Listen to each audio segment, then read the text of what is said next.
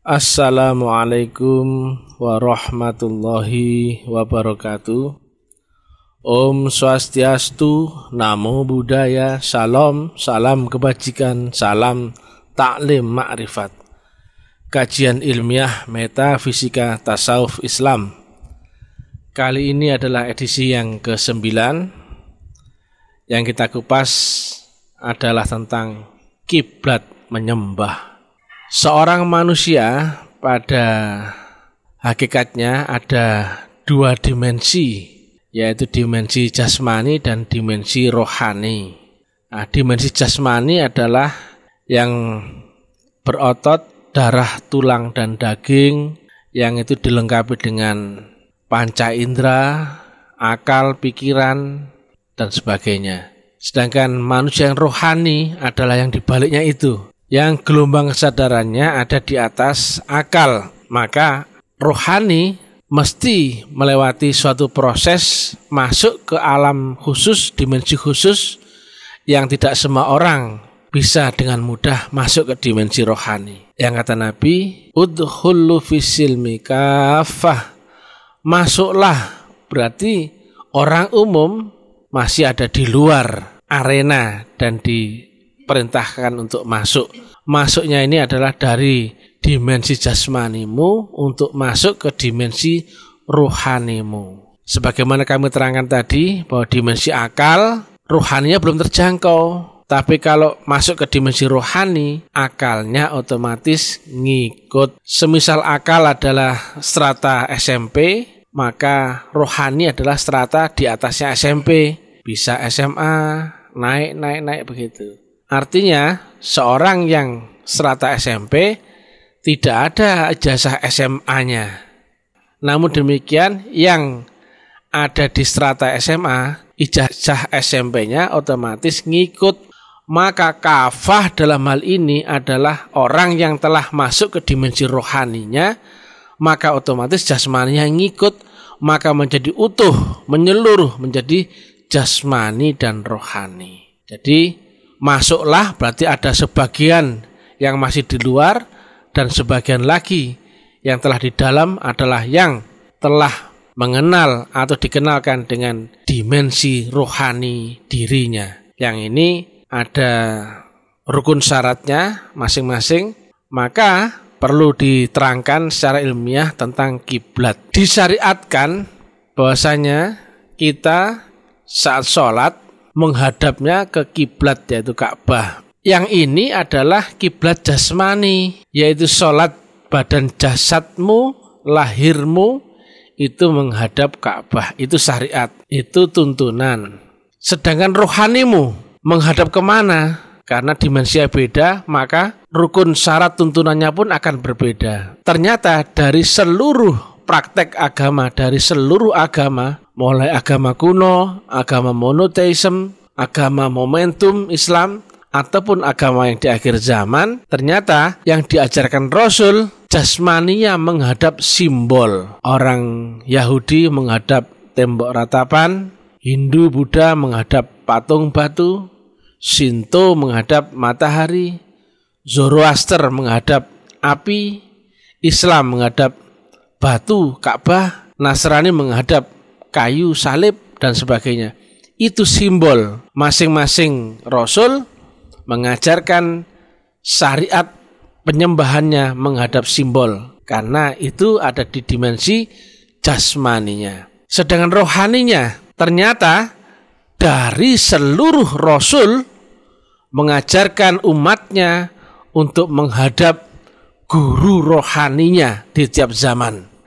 Ternyata di balik kiblat rohani itu ada suatu metodologi yang intinya adalah menyamakan frekuensi dan gelombang, yaitu antara si murid dengan gurunya. Gurunya dalam hari ini adalah guru rohani, karena yang berguru adalah rohani. Maka menghadapnya rohani, menghadapnya jasmani, yang dibaliknya ada rohaninya, adalah menghadap guru rohani yang ada di balik jasmani sang guru itu sendiri maka jasmania menghadap kiblat kias, kiblat jasmania semuanya kias. Ka'bah ya kias. Tembok ratapan kias, api kias, matahari kias, patung batu pun kias, kayu salib pun kias. Sedangkan dimensi rohaninya adalah menghadap guru rohani. Hubungannya adalah di balik guru rohani itu ada jembatan, ada wasilah yang menghubungkan antara murid di balik gurunya kemudian terhantar melewati wasilah atau guru cahaya sehingga menghantarkan sampai kepada sumber cahaya. Ada tiga dimensi utama yang perlu kita perhatikan, yaitu di dimensi jasmani, kemudian ada di dimensi alam cahaya atau dimensi roh, dan terakhir adalah di dimensi sumber roh atau sumber cahaya. Jarak antara jasmani dengan sumber cahaya atau sumber roh, maha roh, adalah sepanjang roh atau tingkatan roh. Yang ini dikiasan sebagai alam cahaya, yang bahasa kuno menyebutkan sebagai alam akhirat. Yang ini murni alam roh. Kalau dunia adalah alamnya jasmani, akal dan sebagainya. Sedangkan alam di atasnya dunia, di atasnya akal disebut sebagai akhirat. Dan di ujung akhirat adalah Allah Ta'ala sendiri. Maliki yaumiddin. Aku raja di akhirat. Raja di ujung langit akhirat yang rahasia. Berarti ada adaptasi antara alam jasmani dan alam rohani atau alam cahaya. Maka gurunya di alam rohani adalah guru cahaya. Kalau Hindu menyebutkan sebagai Atman, Buddha menyebut sebagai Buddha, kemudian Nasrani menyebut sebagai Roh Kudus atau Ruhul Quds. Orang Kapitayan Kejawen menyebutkan sebagai guru sejati. Nah, kemudian di zaman Islam Momentum disebut sebagai Rasulullah. Kemudian di akhir zaman disebut sebagai Al-Mursyid. Itu bukan manusia. Tetapi akan dikenali di alamnya dunia, di alam manusia ketika nur itu, cahaya itu, guru cahaya itu menempati manusia. Sama seperti analognya presiden adalah jabatan atau nur atau potensi itu nggak ada wujudnya dilihat pun nggak bisa diapa-apain nggak bisa tapi ketika jabatan itu menempati seseorang maka baru kita tahu wujudnya jabatan presiden itu. Oh manusia. Di mana jabatan itu duduk atau menetap atau tinggal, maka wujudnya jabatan itu akan serupa dengan orang yang membawanya.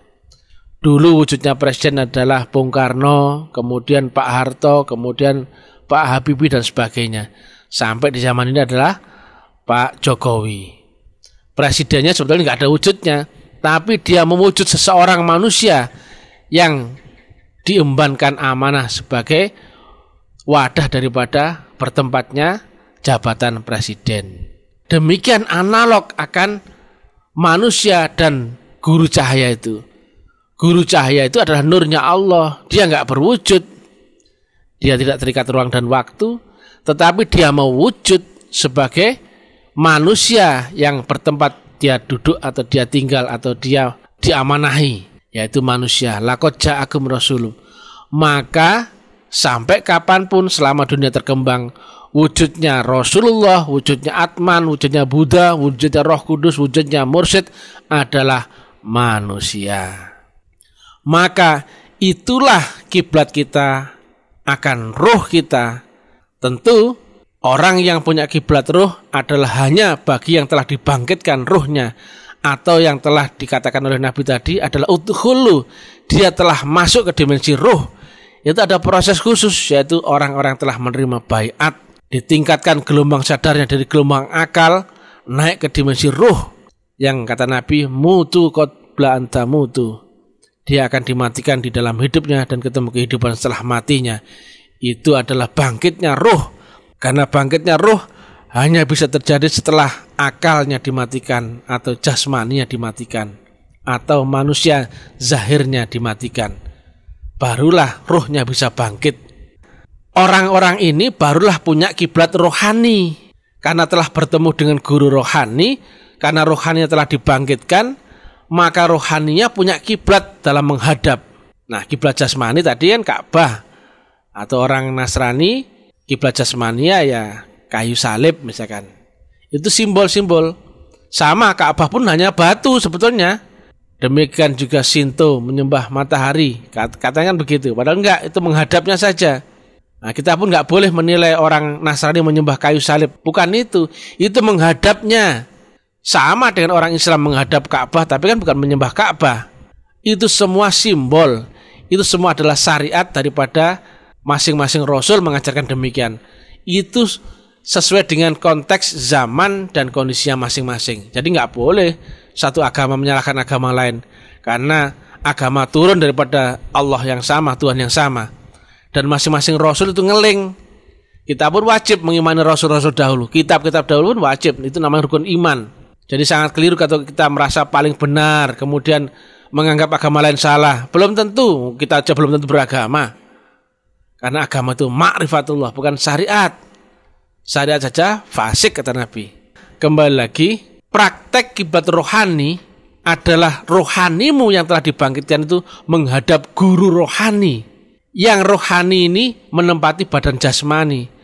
Maka si badan jasmanimu yang dibalik ada rohanimu menghadap guru rohani yang berupa wujud jasmani gurumu atau dalam istilah tasawuf disebut dengan rabitoh atau di dalam iftitah sholat yang kita sangat familiar adalah ini wajah tu wajhiyah lillazi fataras sama art Ku hadapkan wajahku kepada wajah yang menciptakan langit dan bumi. Itu adalah praktek iftitah sholat. Yang jasmanimu menghadap kiblat atau Ka'bah, sedangkan kiblat rohanimu adalah menghadap wujud Allah. Yang telah kami terangkan sebelumnya, tentang wujud Allah adalah manusia, yaitu sang guru rohani, sang pembawa sila, sang pembawa nurun ala nur ke dunia ini. Itu adalah seorang manusia atau bahasa 128. Tapi kami ulas sedikit ya biar nggak salah paham. Wujud itu bukan Allah. Allah mau wujud saja kepada menjadi orang itu. Wujudnya bisa dikenali manusia karena menempati orang itu. Sama seperti tadi, presiden tidak ada wujudnya. Nur itu pun nggak ada wujudnya. Cuman karena menempati manusia, sehingga presiden kita kenali sebagai menerima amanah atau menjabat sebagai presiden itu. Maka wujudnya presiden sekarang ini adalah presiden Jokowi. Wujudnya sama dengan Jokowinya. Antara Pak Jokowi dengan Presiden Jokowi sama wujudnya. Nur itu pun demikian. Dia mewujud karena menempati wujud manusia. Maka wujudnya Allah yang terwakili dengan nurnya maka wujud nurnya itu akan serupa dengan manusia yang membawanya. Maka itulah kiblat rohanimu, yaitu engkau menghadap kepada wajah Allah, wajah yang menciptakan langit dan bumi, itu wajah guru rohani. Itu menghadapnya, bukan menyembah. Menyembah kepada Allah, tapi menghadapkan wajahmu kepada wajah daripada guru rohani. Karena dibaliknya jasmani yang mewakili wajah atau wujud guru rohaninya di balik situ ada gelombang yang disebut sebagai wasilah Al-Maidah 35. Wasilah itu tali penghantar penghubung antar dimensimu dengan dimensi Allah Ta'ala. Sholat jasmani semua pasti bisa karena itu sudah disyariatkan, dijelaskan terbuka oleh para alim ulama, para ustadz, para kiai. Sholat jasmani sudah afdol dimulai takbiratul ikram sampai salam. Oh, sudah bagus, sudah bagus. Tapi kenapa kok tidak banyak yang menerangkan teknik menyambungkan sholatmu sampai ke Allah Ta'ala? Banyak yang orang itu mengajarkan teknik sholatnya aja, sholat jasmani. Menghadap Ka'bah, kemudian takbiratul ikram, mengangkat tangan dan sebagainya sampai di akhir dengan salam ke kanan dan ke kiri. Sedang teknik menyambungkan rohanimu, gelombangmu sehingga sampai ke Allah Ta'ala kok sangat sedikit bahkan mohon maaf kok tidak pernah kami temukan. Jadi sangat sulit menerima penjelasan ini dan sangat sulit kita mendengarkan ada yang mengilmiahkan tentang teknik menyambungkan sholatmu kepada Allah Ta'ala. Padahal sholat itu tiang agama, sholat lima dudin. Jika sholatmu roboh maka agamamu ikut roboh. Maka sholat itu adalah pilar agama. Sedangkan hati-hati Allah mengancam orang-orang yang sholat tapi nggak nyambung, nggak sampai, nggak terhubung dengan neraka well. Itu kan ada di surat Al-Maun. Celakalah orang yang lalai dalam sholatnya. Dalam sholatnya ya, bukan bukan lalai sholat. Orangnya sih sudah sholat. Sudah sholat jasmani, sudah. Dimulai takbiratul ikram sampai salam, sudah. Tapi gak nyambung, itu masalahnya.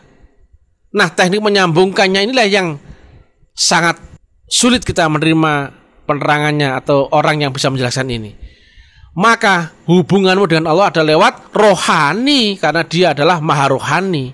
Jasmanimu tinggal, maka praktek sholat yang kafah adalah jasmani dan rohani. Tapi kalau orang sholat rohani, jasmaninya otomatis ngikut. Jadi nggak usah dipikir. Bukan berarti, wah bang itu kan nanti nggak pakai sholat jasmani dong. Sholat, jasmaninya pun ikut sholat. Kalau sholat rohani, Nah, jasmani kan di bawah dimensi rohani, ngikut jasmaninya. Kalau bahasa bahasa Arab ya, a higher dimension command lower dimension. Jadi dimensi yang lebih tinggi itu akan dominan, menguasai, mengalahkan dimensi di bawahnya atau dimensi di bawahnya otomatis ngikut. Maka ternyata seluruh rasul mengajarkan praktek sholatnya di dimensi di, di zamannya masing-masing adalah dengan teknik menyamakan frekuensi dan gelombang.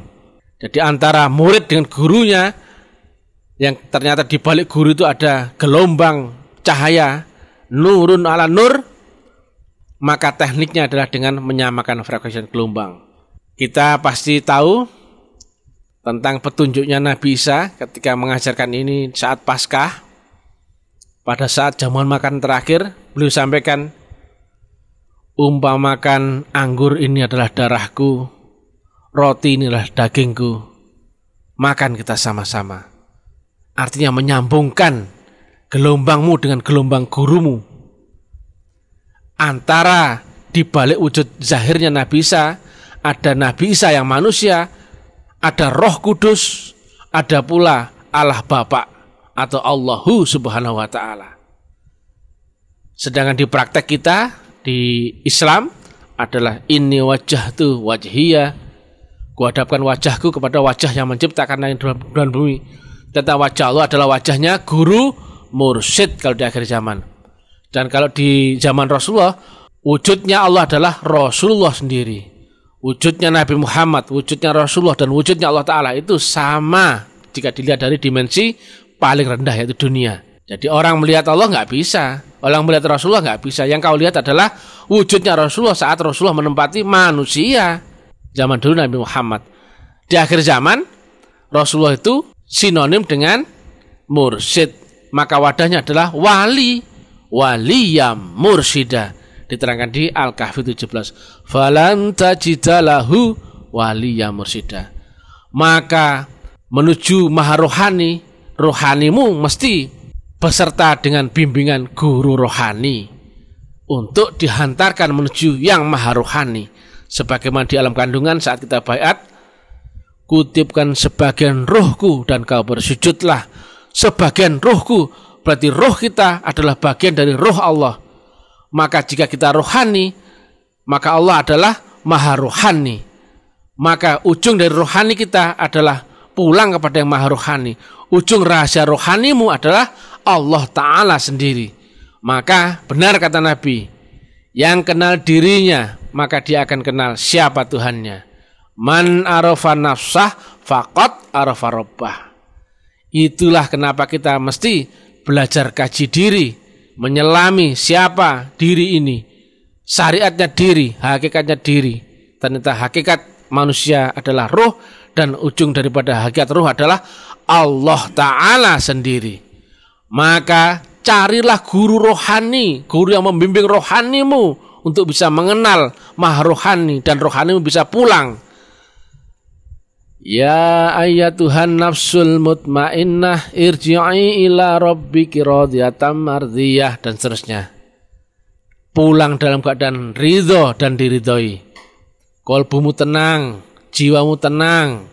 Engkau ridho akan ridhonya Allah dan engkau dipanggil Allah dalam keadaan ridho dan diridhoi. Maka rohani menghadap guru rohani.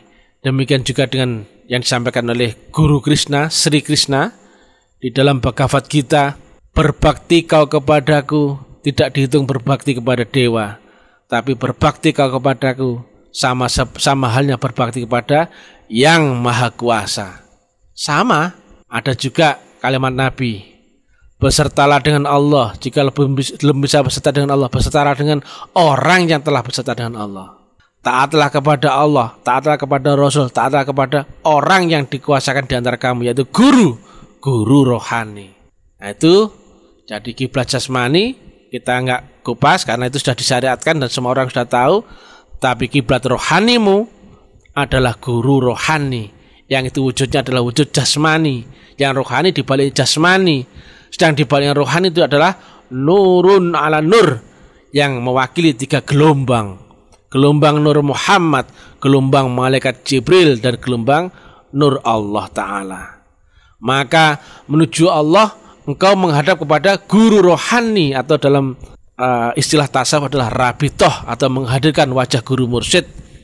Rabitoh ini bagi orang yang belum dikenalkan metodologi adalah syirik, seolah-olah menyembah manusia. Padahal bukan. Sama halnya kalau kita diajari praktek syariat menghadap Ka'bah, kan bukan menyembah Ka'bah, menghadapnya saja kan gitu. Menghadap bukan berarti menyembah. Ada kiblat menghadapmu. Jadi kamu nggak angen-angen menghadap ke mana, bagaimana. Titik fokusmu jelas. Kalau syariat saja diajarkan untuk menghadap titik fokus yaitu kiblat Ka'bah. Maka rohani pun mesti menghadap titik fokus juga yaitu guru rohani.